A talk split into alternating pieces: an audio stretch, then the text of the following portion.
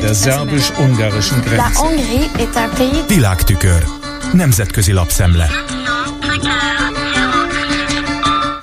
Köszöntöm a hallgatókat. Orbán Viktor és kormányzó pártja az évek folyamán saját játszóterévé alakította át a magyar média környezetet. Nem a nyílt elnyomás módszereivel, újságírók megölésével vagy számüzetésbe kényszerítésével, hanem a piac eltorzításával, és azzal, hogy a szabályozás eszközét használva fogjul ejtette a médiát. Írja a szervezet bűnözésről és korrupcióról beszámoló oknyomozó cikkeknek fórumot biztosító nemzetközi média platform, amelynek az angol rövidítése OCCRP. A magyar újságírás elleni támadásokról beszámoló írás szerzője Ilja Lozovski. Idézi Szalai Dánielt, a Média egy független portál főszerkesztőjét, a magyar média környezet tapasztalt megfigyelőjét, aki elmondja, hogy korábban sok szabad újság létezett, fideszesek is, és lehetett miből választani. Most azonban a helyzet ebből a szempontból kezd az Oroszországira hasonlítani. Számításaik szerint a médiai már 70-80 százaléka a kormányzat befolyása alatt áll. A regionális lapok azonban teljes mértékben, ott az arány 100 százalék.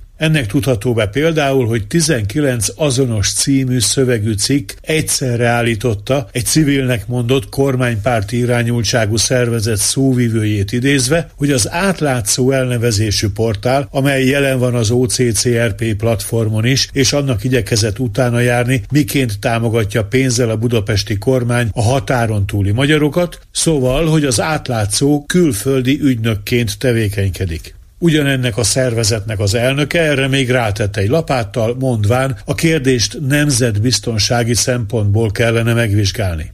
Az OCCRP cikke kitér az Origo kormánypártivá történt átállítására, a kormánypárti médiaintézményeknek a Kesma nevű alapítványba történt beolvasztására. A rezsim azzal biztosítja saját túlélését, hogy párthű rezsim támogató emberekhez tereli az uniós pénzalapokat, állítja a szerzőnek nyilatkozva Daniel Kelemen, az amerikai Rutgers Egyetem politológusa.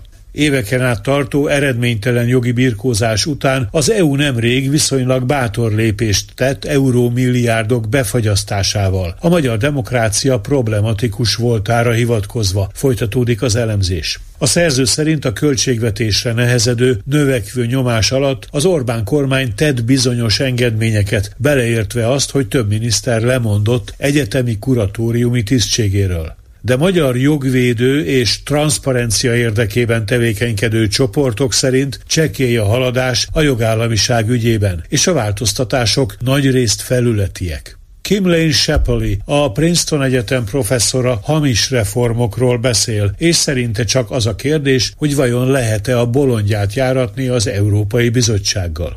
Az uniós végrehajtó testület kezdeményezte ugyan az Európai Médiaszabadság törvényt, de Urbán Ágnes, a mérték elemzője szerint ez nem lesz elég. Azt mondja, nagy segítséget jelent, hogy a törvény megakadályozhat más országokat az illiberális útra tévedésben, de nem oldja meg Magyarország problémáját, ahol már kiépült az illiberális rendszer. Tegnap késő délután jelent meg a Politico amerikai portál európai kiadásának internetes oldalán az a hír, amely szerint vámszervektől származó információk alapján megállapítható. Kínai vállalatok Törökországon és az Egyesült Arab Emírségeken keresztül karabélyokat, testpáncélzatot, valamint drónokat szállítottak az oroszoknak. Az értesülés nem általánosságban fogalmaz meg vádakat. A szállítmányokat tavaly június és december között juttatták célba. Peking továbbra is mindent tagad. A CQA mintájú karabélyokat, amelyeket az M16-osok alapján terveztek, polgári rendeltetésű vadászpuskáknak tüntették fel. Az értesülés 12 tonna kínai testpáncélzat elem Törökországon áttörtént Oroszországba juttatásáról is szól. A Dachiang Innováció elnevezésű kínai vállalat angol rövidítéssel DJI drónalkatrészeket, egyebek közt akkumulátorokat és kamerákat küldött egy orosz cégnek az emírségeken keresztül 2022. decemberében. Az amerikai nemzetbiztonsági tanács elzárkózott attól, hogy nyilvánosan kommentálja az értesülést. A testület egyik volt vezető tisztviselője, Zack Cooper ugyanakkor arra hívta fel a figyelmet, hogy nagy kihívást jelent az úgynevezett kettős rendeltetésű termékek besorolása, amelyeket civil és katonai célra egyaránt fel lehet használni. Kína washingtoni nagykövetsége a politikó szerint nyilatkozatban szögezte le, hogy Peking elkötelezett az ukrajnai béke megteremtését célzó tárgyalások mellett. Végezetül egy apró információ morzsa az ukrajnai háborúhoz való európai hozzáállással kapcsolatban. Volodymyr Zelenszky ukrán elnök március 30-án videó üzenetet intéz az osztrák törvényhozás tagjaihoz. A Die Presse ezzel kapcsolatban felhívja a figyelmet arra, hogy Ausztria mellett most már csak Bulgária és Magyarország tartozik azon EU tagállamok közé, amelyekhez Zelenszky eddig még nem fordult szónoklattal. Tavaly egyszer már úgy volt, hogy beszélni fog az ukrán államfő a bécsi parlamenti képviselőknek, de akkor azt a szélső jobboldali osztrák szabadságpárt megfúrta. Ez volt ma a Nemzetközi Média Szemle Kárpáti Jánostól. Köszönöm a figyelmüket. Hungary's government sees building it. szerbus-ungarischen Grenze.